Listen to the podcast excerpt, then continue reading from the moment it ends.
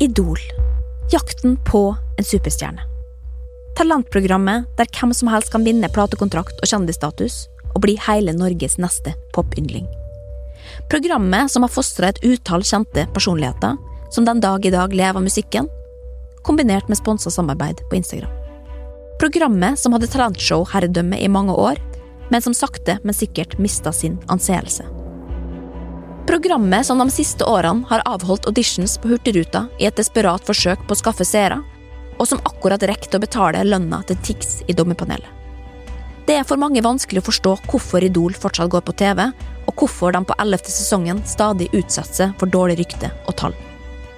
Men i dag skal jeg ta dem med tilbake til ei tid hvor Idol-feberen herja over Norge for alvor. Da landets største kjendiser heter Gaute Ormåsen og David Pedersen, og alle kvinner på under 80 tømte kontantkortene sine hver eneste fredag. Tida da en anonym rørlegger tilfeldigvis kjempa seg hele veien fra et konferanserom på et trist hotell i utkanten av Bergen og hele veien til Amerika, hvor han slo selveste Kelly Clarkson i verdens første og siste World Idol. Kurt, you're a hell of a marketing challenge because you have the voice of an angel, but you look like a hobbit, right? and the fact is, if we... På tidlig 2000-tall var Idol på alle sine lepper. Idol var det alle ville ha og ikke fikk nok av. Og ble kilden til stjerner som Sandra Lyng Haugen, Tone Damli og Astrid S, Alejandro Fuentes, Kjartan Salvesen og ikke minst Glenn Lyse. Det er mange skjebner, talenter og historier å ta tak i, som for eksempel spørsmålet om hva som egentlig skjedde med Idol etter nettopp Glenn Lyse i 2007. Men i dag skal vi ta for oss en helt annen episode i Idol-historien, nemlig da Norge ble snytt for ei stjerne. Og det på grunn av én spesiell detalj.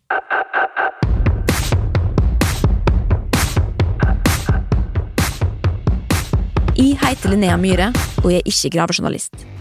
Men jeg er veldig interessert i detaljene du ikke visste at du trengte, og i dag skal vi dykke ned i en svært viktig hendelse i norsk TV-historie. Vi skal ned på et nivå hvor vi ser hvor mye detaljene kan ha å si for din skjebne, og det er ned til, i dette tilfellet, hårstrået.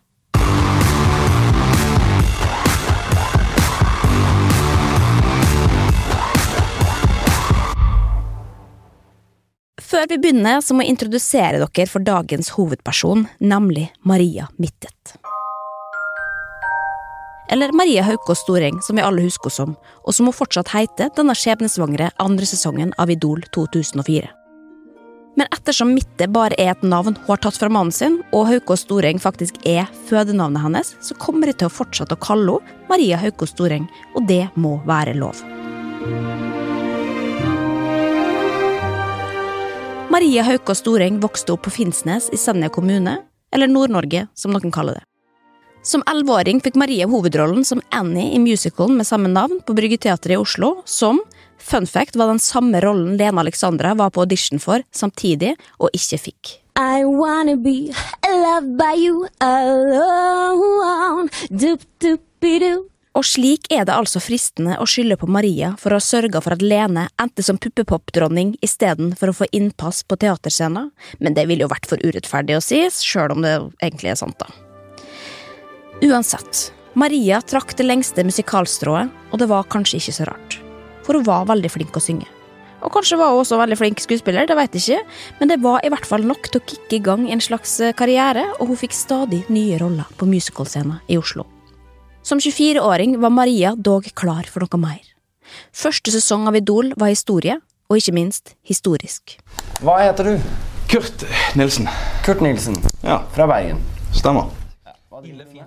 Finalistene fra første sesong hadde turnert Norge rundt hele sommeren til fulle rådhusplasser, hvor jeg da sjøl annet var til stede for å få et glimt av Gaute Ormåsen, og parallelt så gjøres det klart for en ny runde auditions. Unge gutter og jenter fra hele Norge melder seg på, og totalt 7000 idioter stiller seg i kø utafor utvalgte Klaren hotell Norge rundt.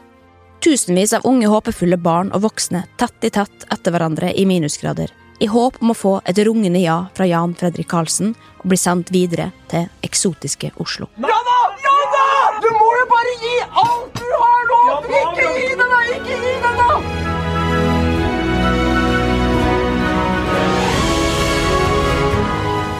I en av køene står Maria. Med lyse krøller, gigantiske øreringer og et tidsriktig belte som så vidt henger fast over bootleggen, er Maria klar. Øyenbryna er nappa til de knapt lenger synes, og over har hun tegna nye i en lang, litt tjukkere og ujevn strek. Hun ser nervøst ned på sitt tidsriktige moteur med tjukk, hvit skinnreim og selve urskiva omkransa i bling. Klokka viser at det er hennes tur til å skinne, og dermed tar hun selvsikre steg inn på konferanserommet og stiller seg foran de fire ekspertene og synger sangen 90% av alle deltakere av en eller annen absurd grunn synger dette året, nemlig Ain't No Mountain High Enough. Jeg heter Maria Haukan Storeng. Jeg tenkte jeg skulle synge Ain't No Mountain High Enough. Ja. Med hånd klappende på låret for å holde takta, synger Maria dommerne av bana. Det er ikke tvil. Maria skal videre til Oslo, og fra en enstemmig jury kan juryformann JFK, eller Jan Fredrik Karlsen, da, som han også heter, gi beskjeden om at Maria har helt rett. Det er ingen fjell høyt nok, og hun er videre til Oslo.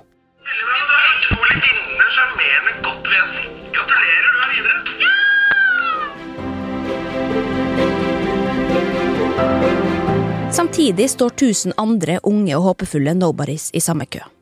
Vi snakker om nobodies som Sandra Lynghaugen, Margaret Berger, Håkon Njøten og ikke minst Kjartan Salvesen. Legende. Og uten å vite det, er det blant annet disse som skal presses gjennom nåløyet og til slutt kjempe om en plass i toppen. Maria går hele veien til topp 50 og skal sammen med ti andre konkurrere om en finalistplass i kvartfinalen. Kun to kan gå videre denne kvelden, mens resten må reise hjem til sine kjedelige liv som nobodies og ikke minst idol-tapere. Alt står på spill idet Maria går opp på den billigste scenen TV2 noensinne har produsert, men iført en turkis tettsittende kjole over stramme dongeribukser stappa opp i hvite knepboots, har hun det som trengs, og enda litt til, for å trenge seg gjennom TV-skjermen denne kvelden. Dommere og publikum er fra seg av begeistring. JFK har som vanlig aldri sett noe lignende, og Kjartan Salvesen, som også er en av deltakerne denne kvelden, bare rister på hodet, kan ikke tro hvilket talent han har å kjempe mot. Det kommer derfor ikke som noe overraskelse at det er Maria som går av med seieren i kveldens program, og det med dobbelt så mange stemmer som nummer to, Kjartan. De to sangfuglene kan dermed senke skuldrene og gjøre seg klare til å havne på forsida av alle landets aviser hver dag de neste månedene. Og allerede dagen etter er avisoverskriftene et faktum. Men det er kanskje ikke helt på den måten man hadde sett det for seg. Det begynner nemlig med noe svært alvorlig. Noen har nemlig fått nyss i at Maria kommer fra musicalscenen, og dermed allerede kan synge.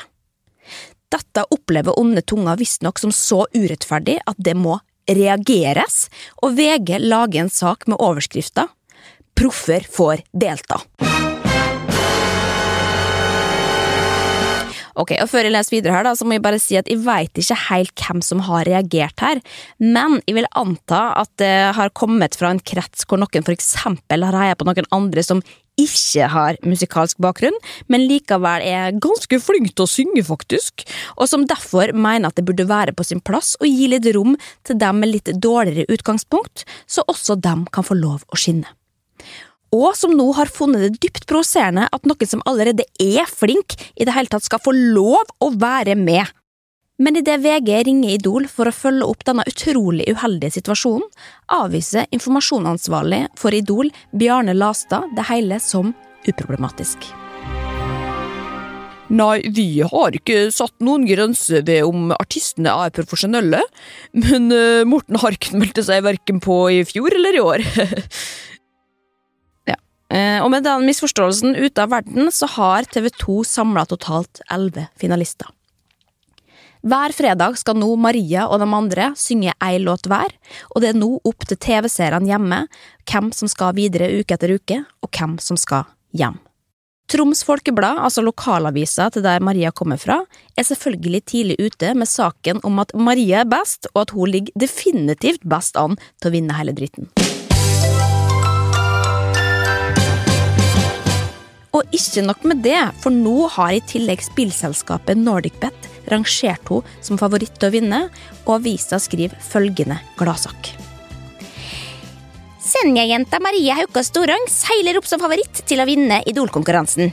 Oddsetter Kristel Lavoll kan fortelle at Maria gir 4,75 ganger pengene tilbake hvis hun vinner.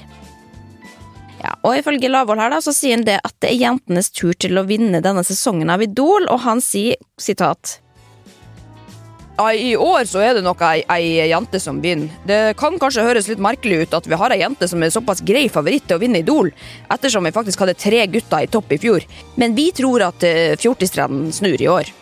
Sitat slutt. Ja, og sjøl om vi allerede nærmest har blitt noe garantert at Maria skal vinne dette her, så er spenninga likevel til å ta og føle på idet første direktesending går på lufta.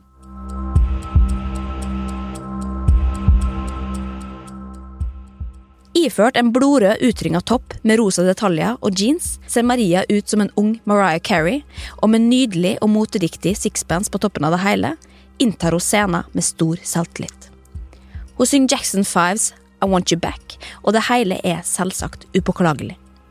Nei, det er ikke tvil. Maria er allerede ei stjerne, og ja da, ja da, Sandra Lyng er søt og alt mulig, og Håkon Njøten, god bless, det vakreste jeg har sett siden Gaute Ormåsen året før, men likevel, det er Maria som er talentet, og det er derfor det som må skje, skjer. Maria får det mye berykta favorittstempelet.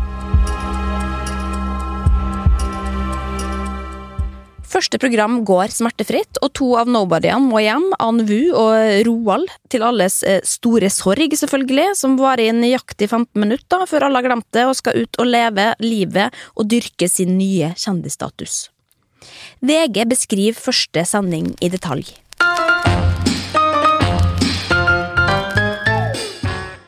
Publikum var ekstatiske sendingen gjennom. De skrek, vinket og viftet med plakater. Det er tydelig at Norge har fått idolfeber igjen. I tillegg har TV 2 opplevd en voldsom pågang etter billetter, og alle show, inklusive finalen i Oslo Spektrum, er utsolgt. Presseansvarlig Bjarne Lastad bekrefter det hele på denne måten. Idol-billetter som egentlig koster 50 kroner, går nå på svartebørsen for 300 kroner. Og finalebillettene, som opprinnelig kostet 250 kroner, går nå for 600.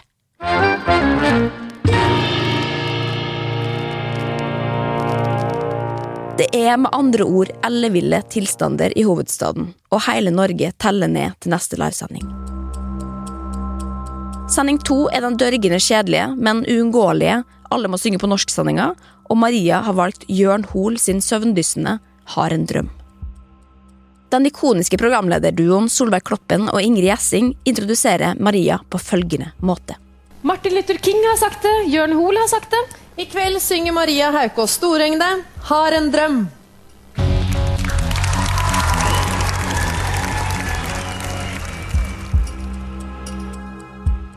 Og Maria greier seg fint, hun som vanlig. Hun er jo proff, må vite, og skal selvfølgelig ikke sendes hjem. Det er derimot nobody'n Øystein som ryker ut, til alle store sorg, da, naturligvis, og noen er til og med i sjokk denne gangen, før det går nye 15 minutter, og Øystein er allerede historie.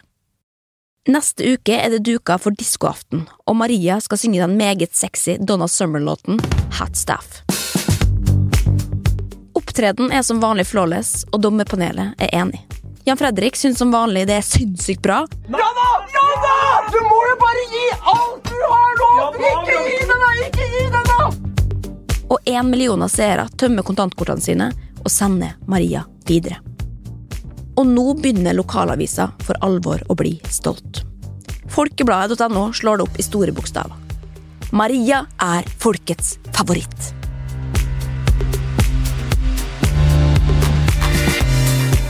Konkurransen spisser seg til, og vi må uke etter uke se hvordan deltakerne rives ut av sangbobla og rampelyset, kastes tilbake dit de kom fra.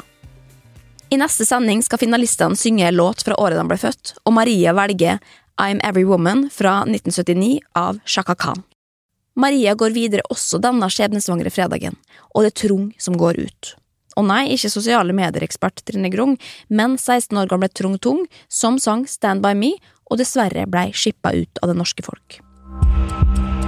Og apropos det norske folk. For samtidig som deltakerne blir færre, blusser igjen debatten rundt hvorvidt Maria faktisk er for proff opp igjen, og noen, som jeg fortsatt ikke vet hvem VG sikter til når de på nytt problematiserer dette, syns rett og slett at det blir for kjedelig når folk er så flinke. Med overskrifta 'Maria er alles favoritt' kan det ved første øyekast se ut som en gladsak. Maria er jo tross alt øverst på målingene i det de kaller idolometer. Men hvis du blar litt lenger ned, har VG også tillatt seg å lage en annen avstemning, hvor de rett og slett stiller spørsmålet Er Maria for proff, eller er hun ikke for proff? VGs lesere stemmer, og dommen er klar.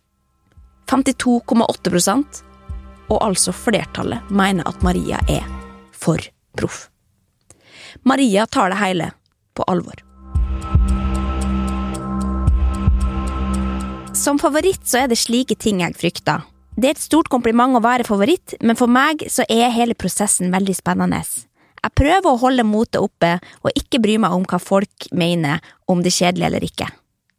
Lokalavisa Folkebladet.no har på si side litt mer positiv vinkling, og har invitert leserne til å stemme på om de tror Maria vil vinne Idol, og samtidig si si mening. Følgende kommentarer tikker inn. Tor Ivar Didriksen sier her da Hun vinner, og hun er i en klasse for seg sjøl, og ingen kan slå henne. Og så er det Roger Skog her, da, som sier Tror! Jeg vet at hun kommer til å vinne. Hun har mer utstråling, er ikke høy på pæra og er bedre å synge enn alle sammen i hele jævla Idol. Og så er det June Berntsen, da, som visstnok har, eh, har kommet inn fra Sverige fra sidelinja her, som skriver Jeg husker da jeg gikk i åttende klasse ved Silsand ungdomsskole, så var jeg og tre andre vikarer fra musikkbarnehagen, og der gikk Maria. Vi var alle sammen meget imponert av henne og mente at hun kom til å gjøre det stort når hun ble stor. Og det er akkurat det hun gjør nå. Jeg heier på Maria. Nei, folket har talt. Maria er best, og de andre deltakerne når han ikke engang opp til den hvite skinnbudsene. De kan like gjerne kåre henne som vinner først som sist, og det er bare for Sandra Lyng og Håkon What's His Name Njøten å pakke sine respektive sixpences i sekken og dra tilbake til Mosjøen og Bergen og være takknemlige for at de i hele tatt fikk se Maria synge live helt gratis. Men the show must go on, og det tikker mot helg. To dager før neste oppvisning kan Dagbladet annonsere at det duka for Hitparade i fredagens sending. Det kan med andre ord bli hva som helst, og finalistene har valgt følgende låter. Håkon Njøtten. Can I talk to the prettiest girl in Oslo? Med Big Bang. Sandra Lyng Haugen. My love don't cost a thing. Med Jennifer Lopez. Margaret Berger. It's a murder on a dance floor. Med Sophie Alice Baxter. Kjartan Salvesen. Stuck in a moment med U2. Herregud, altså. Susanne Nordbø. Get the party started on a Saturday night med Pink. Og Maria Haukås Storeng. At the on my feet so I can dance, I just wanna praise you. Med Mary Mary. Og ja, hva kan man egentlig si, for i utgangspunktet så er jo egentlig det ikke så veldig mye å reagere på her. De fleste låtene er kjente for folk flest, og det skal være vanskelig å trå feil. Og mens deltakerne jobber intenst med å få de siste notene til å sitte ja, sånn noenlunde da, i forkant av ukas sending, så melder TV 2 faktisk på tampen at Nei, det blir nok Sandra som kommer til å ryke i dag, mens Maria Maria kommer til å vinne, og det er garantert. Men er det én ting vi har lært opp gjennom tidene, så er det det at i et demokrati så har du ikke garanti for noe som helst. Og særlig ikke i et land hvor innvandring og islamkritiske foreninger får økonomisk støtte av staten, og Kurt Nilsen 13 millioner for å gjennomføre et par julekonserter. Men det er ei anna historie. Det er fredag 16. april 2004. Tacokjøttet surrer på lav varme inne på kjøkkenet, og folket teller ned til en ny episode av Idol. Kan ikke vente på å få høre Kjartan Salvesen sin Stavanger-versjon av U2s Stuck in a Moment, eller den sukkersøte bergenseren med det blonde emo-håret sin versjon av Girl in Oslo. Det er jevnt i bunnen, og hvem som helst kan ryke. Alle bortsett fra Maria. Men det er i øyeblikket at det endelig er Maria sin tur på scenen, at hele landet stopper opp. Tacoskjell smuldrer mellom hendene på det norske folk idet Sanny-favoritten inntar scenen, mens all kullsyre i flaska med Solo Pluss slutter å opphøre. Små gisp kan høres fra den eldre generasjonen bak i godstolen, mens barna lurer på hvem den fremmede dama på TV er. Eller, nå veit du jo egentlig ikke hva som faktisk skjedde i det ganske land, og hvordan folk faktisk reagerte i dette øyeblikket. Noen reagerte kanskje til og med ikke i det hele tatt, mens andre kanskje faktisk slo av TV-en for godt og blei til en av de folka som skryter av at de ikke har TV, faktisk. Men folk er jo forskjellige, da. Men det vi i alle fall observerer idet Maria kommer ut av hullet i veggen og entrer scenen, er en litt annen Maria enn vanlig. Til nå har vi blitt vant med at de stadig eksperimenterer med stiler og uttrykk, og det er egentlig alltid litt spennende å se hva de har kokt opp fra uke til uke. Men denne gangen topper Maria seg sjøl. Det er rett og slett så mange element her at det er vanskelig å få overblikk, og i en lysegul nattkjolelignende greie i sateng balanserer hun seg sjøl ut på et par glinsende høye hæler. Under kjolen har hun på seg svarte legging som går helt ned til anklene, og de svarte bh-stroppene er godt synlige under kjolen. Men det som kanskje vekker mest oppsikt, er håret. For anledningen har Maria nemlig krølla håret til det ugjenkjennelige, og det i et sånt omfang at det ved første øyekast kan ligne på en afro. Og bare før jeg går videre her, så tror jeg at det er viktig at jeg minner dere på at dette her, det er 2004, folkens, og at fenomenet kulturell appropriasjon, altså det å ta fra andre sine kulturer og bære det som et smykke, ikke enda har nådd Norges landegrenser. Vi har i hvert fall ikke blitt bevisste på at det å kjøre afro i tide og utide ikke nødvendigvis er så innmari respektfullt, og derfor er det viktig å si at det er ikke derfor det norske folk reagerer, eller at Maria er slem og ufølsom. Det norske folk reagerer rett og slett bare fordi at det ikke passer inn i boksen de har plassert Maria i, og sånt blir man jo forvirra av, må vite. Men ja, nok om det inntil videre. For utenom det så går Maria all in som vanlig, og med sin nye stil begynner orkesteret å spille. Og ja, her skulle vi jo selvfølgelig ha spilt et lite klipp av eh, selve fremførelsen, men da får vi sikkert både Mary og Mary på nakken, og en drøss av andre folk, men i og med at eh, dette sikkert for en del yngre lyttere kan være en sang man kanskje ikke har hørt før, så kan jeg, jeg kan tilby meg å synge et par strofer. Take the shackles off my feet so I can dance. I just wanna praise you. I just wanna praise you. You broke the chains, now I can lift my hand. And I'm gonna praise you. I'm gonna praise you. Everything that could go wrong all went wrong at one time. So much pressure fell on me. I thought I'd gonna lose my mind. Ja, det er bare hyggelig, det. Men til tross for at det er noe kanskje litt uvant med håret, går Marias framførelse som vanlig smertefritt. Publikum jubler, og Jan Fredrik Karlsen syns nok en gang at det er sinnssykt bra, og alt er egentlig all good. Men idet alle deltakerne har sunget ferdig, skal de tre som har fått færre stemmer, kåles ut og flytte seg over i en knøttliten sofa. Solveig og Ingrid roper opp følgende tre finalister. Håkon Njøten. Sandra Lyng Haugen. Maria Haukås Storeng. Pressa sammen i den lille toseteren sitter de tre talentene med hver sin hatt og venter på resultatet. Sandra med sixpence, Håkon med emodresshatt og Maria med et større hår enn sitt eget hode. De stirrer i gulvet, og omsider har alvorets time kommet. Og med et alvorstungt drag over ansiktet les Ingrid og Solveig opp resultatet.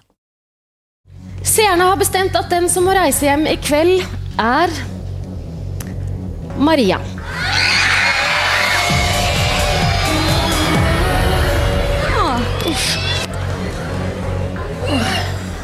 Publikum er lamslått.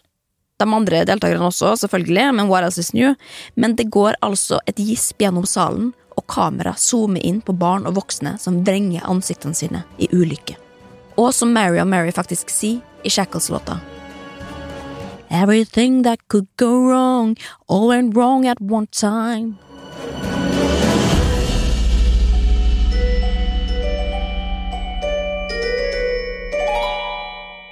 Men Maria er forberedt. For det er jo som hun har sagt hele tida, det kan skje hvem som helst, og særlig meg, som har favorittstempel. Og derfor hopper hun ut av sofaen og tar avskjeden på strak arm. Eh, vi må vel si at det var veldig overraskende. Sånt skjer. Alt skjer. Sånt skjer. Mm. Hva tenker du nå? Um, Nå skal jeg eh, samle sammen alle de som jeg eh, kjenner holdt på å si innenfor bransjen, og så skal jeg lage plate, kanskje? Eller i hvert fall prøve å lage plate. Og mens publikummet buer, er eventyret for Maria Haukås Storeng offisielt over. Akkurat som det har vært for alle de andre som har blitt sendt hjem før henne, for det er jo sånn den tøffe virkeligheten i reality-bransjen er, én må ut. Og ja, det er urettferdig og brutalt, men du må bare finne det i det. Men denne gangen er det imidlertid litt annerledes. For akkurat denne uka er det nemlig ikke slik at verden går videre idet lyskasterne skrus av. Heller tvert imot. Denne gangen er det faktisk nå at det hele begynner. Morgenen etter sjokkexiten sitter Norge igjen med en kollektiv følelse av sorg og skuffelse. Noen er til og med rasende og har sittet oppe hele natta for å finne ut hvor det gikk galt. VG skriver en sak om den brennheite debatten. Debattantene var irriterte over at storfavoritten røk, og mange angrep TV 2s avstemmingssystem. Dette er helt utrolig! Vinneren går ut! Det er helt feil! Dette hadde aldri skjedd om systemet hadde vært slik at du stemmer på den du vil at skal gå ut! Marie er den beste av alle Idol! Hun ville vunnet World Idol også, men nå skjer jo det aldri! Og en annen skriver her, da. Jeg har i dag sett min siste episode av Idol. Noe så tragisk. Jeg holdt på å spy da han Wu gikk ut, og nå kommer kvalmen opp igjen. Men idet VG konfronterer TV 2 med stemmekritikken, er de ikke enige. Nei, Maria fikk rett og slett ikke nok stemmer, og det er mest sannsynlig av en vanlig misforståelse i reality- og stemmemiljøet. Nemlig folk som glemmer å stemme på favoritten fordi man bare antar at alle andre gjør det. Altså dropper man stemmen på Maria og bruker den eksempel på Kjartan Salvesen isteden, og så blir man rasende fordi ikke alle andre har stemt på Maria. Og dette er egentlig bare et par av de uendelige mengdene saker som oppstår om Marias exit dette døgnet. Ikke nok med at folk over hele landet nå meldes inn i kampanjen for å få Maria tilbake, nå ettergås det også hva som kan være årsaken til at det i det hele tatt kunne skje. Men det er Maria sjøl som stiller spørsmålet som skal få hele Norge til å deles i to de neste ukene. I et intervju med Dagbladet like etter å ha tatt farvel, spør hun nemlig. Kanskje jeg tapte av håret.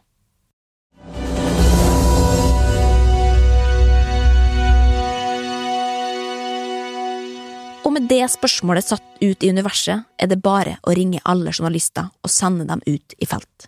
Her er det nemlig en jobb å gjøre, for kan Maria virkelig ha røket på frisyra si? Og i tilfelle, hvem sin feil er det? Er det norske folk sin mangel på åpenhet for nye frisyrer, eller kan det være Marias egen frisør eller stylist som står bak?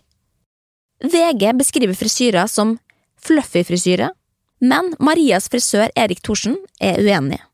Det er den absolutt ikke. Jeg vil heller kalle den afro. Jeg var inspirert av sangen hun skulle framføre, Shackles av Mary Mary. Afro er det første jeg tenker på når jeg hører den sangen. Stylist Margrethe på sin side hun har ikke lyst til å uttale seg, men skal ifølge VG ha vært kritisk til å utstyre Maria med det enorme håret. Men Maria er en kvinne med egne meninger, og har visstnok gjennom hele programmet ikke latt seg styre av stylister og trender. Hun avfeier det hele med et smil og sier følgende til VG. Jeg håper at styling og frisyre betyr mindre enn hvordan du synger, men det er ok å være litt sprø. Du må ta noen sjanser.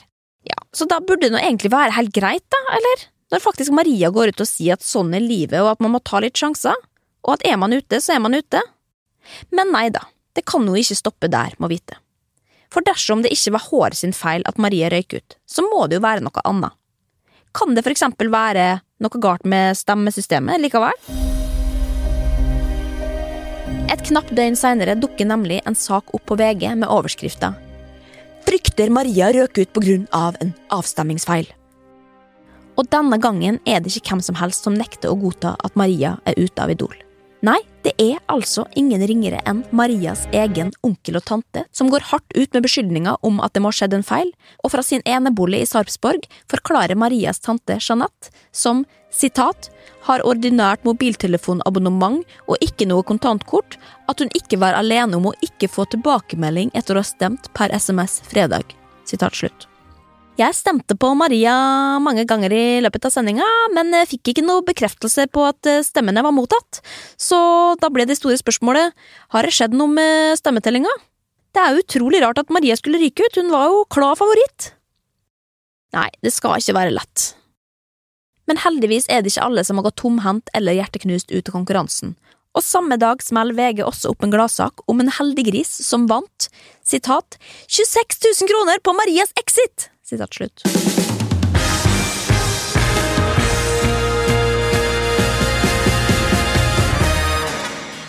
For folk har jo satt penger på dette, må vite, og nei, det er ikke Trine Grung, men en 28 år gammel bergenser og meget aktiv spiller på den norske oddsbørsen, som eh, ønsker å være anonym, da, altså mest sannsynlig har et alvorlig spilleproblem og trenger hjelp. Uansett, 28-åringen hadde satt 200 kroner på at Maria skulle ryke denne fredagen, og dermed kunne han cashe inn en god sum fuck you-penger, som han sikkert skal bruke opp på nye dumme veddemål, da, men han sier nå uansett. Jeg solgte Sandra til lav odds og kjøpte Maria på 130 odds for 200 kroner. Men når VG stiller spørsmålet om hvordan han kunne tro at storfavoritten Maria ville ryke ut, har bergenseren faktisk en ganske god analyse. Det spesielle med Idol er at publikum stemmer på den de vil at skal bli, og ikke den finalisten de synes er best. Dessuten, hårfrisyren på fredag talte ikke til hennes fordel.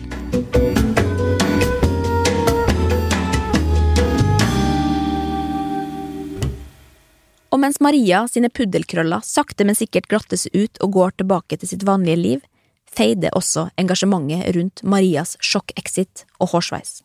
Eller, Finnmark er fortsatt så rasende som de aldri har vært før, da, og i lokalavisene så strømmer både støtteerklæringer til Maria eller truslene om Idol-boikott på.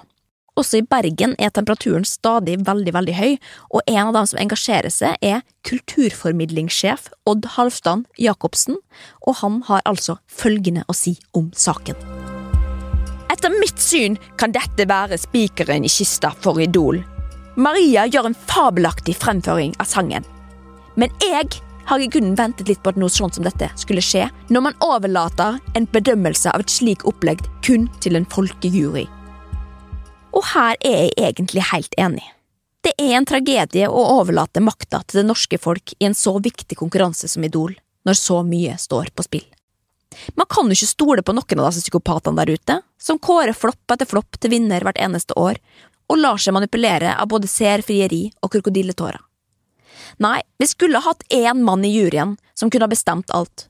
For eksempel denne tilfeldige kulturformidlingssjefen fra Bergen, Odd Halvdan Jacobsen, som åpenbart veit hvem som fortjener å vinne.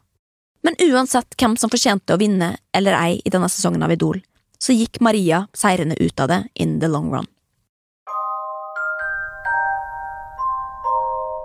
Det hviler jo, som vi alle vet, en forbannelse over dem som går helt til topps i talentkonkurranser, og presset fra plateselskapet om å holde trykket oppe og gi ut musikk fortest mulig, tar ofte livet av musikkgleden i samme slengen, og det er i det hele tatt vanskelig å make it last. Ja, Bortsett fra Kurt, da, som har kapitalisert på jula og hatt så mye money and fame at uh, han på tidspunkt så seg nytt til å bygge hytte forma som en gitar, og som strengt tatt ikke trenger å gjøre noe annet enn å dukke opp på julekonsertene sine en gang i året. Men i motsetning til mange andre Idol-deltakere som har forsvunnet tidlig i konkurransen med en gråtkart tale om at det ikke blir så lenge til man hører fra dem neste gang, har Maria faktisk holdt det hun har lova. Så skal jeg lage plate, kanskje? Eller i hvert fall prøve å lage plate. Maria har gitt ut flere kritikerroste album, representert Norge i Grand Prix, og i 2015 vant hun pinadø hele Stjernekamp. Og det er vanskelig å si hva som hadde skjedd dersom Maria faktisk vant Idol 2004. Om også hun kunne ha fått 13 millioner kroner i støtte for juleturné, eller om hun kunne ha bygga ei hytte forma som for eksempel Kurt Nilsen.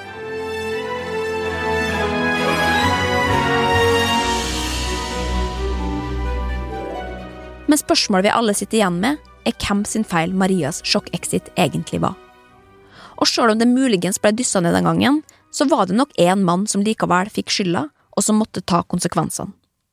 Og bare et par uker etter den skjebnesvangre exiten, og det var klart at Maria ikke skulle vende tilbake i konkurransen, skriver nemlig avisa Nordlys følgende sak med overskrifta.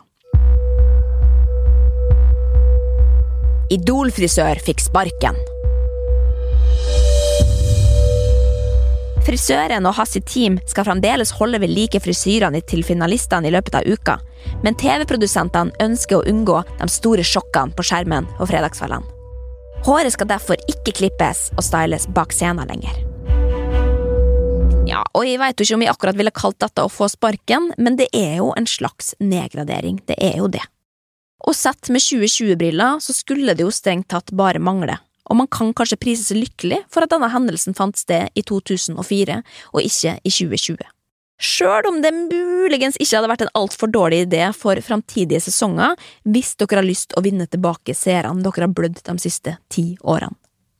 Kanskje det er på tide å hente inn Frisør-Eirik igjen, så vi faktisk ser forskjell på deltakerne neste år. Nei, jeg veit ikke, og jeg gir nå egentlig faen òg, men jeg ønsker dere uansett lykke til på reisen med Hurtigruta eller danskebåten eller hvor dere ender opp neste år. Og i mellomtida så håper jeg virkelig at dere kan legge ut gamle sesonger av Idol på Sumo, så vi som savner 2000-tallets glade dager, kan mimre oss tilbake til den ekte jakten på Norges neste superstjerne.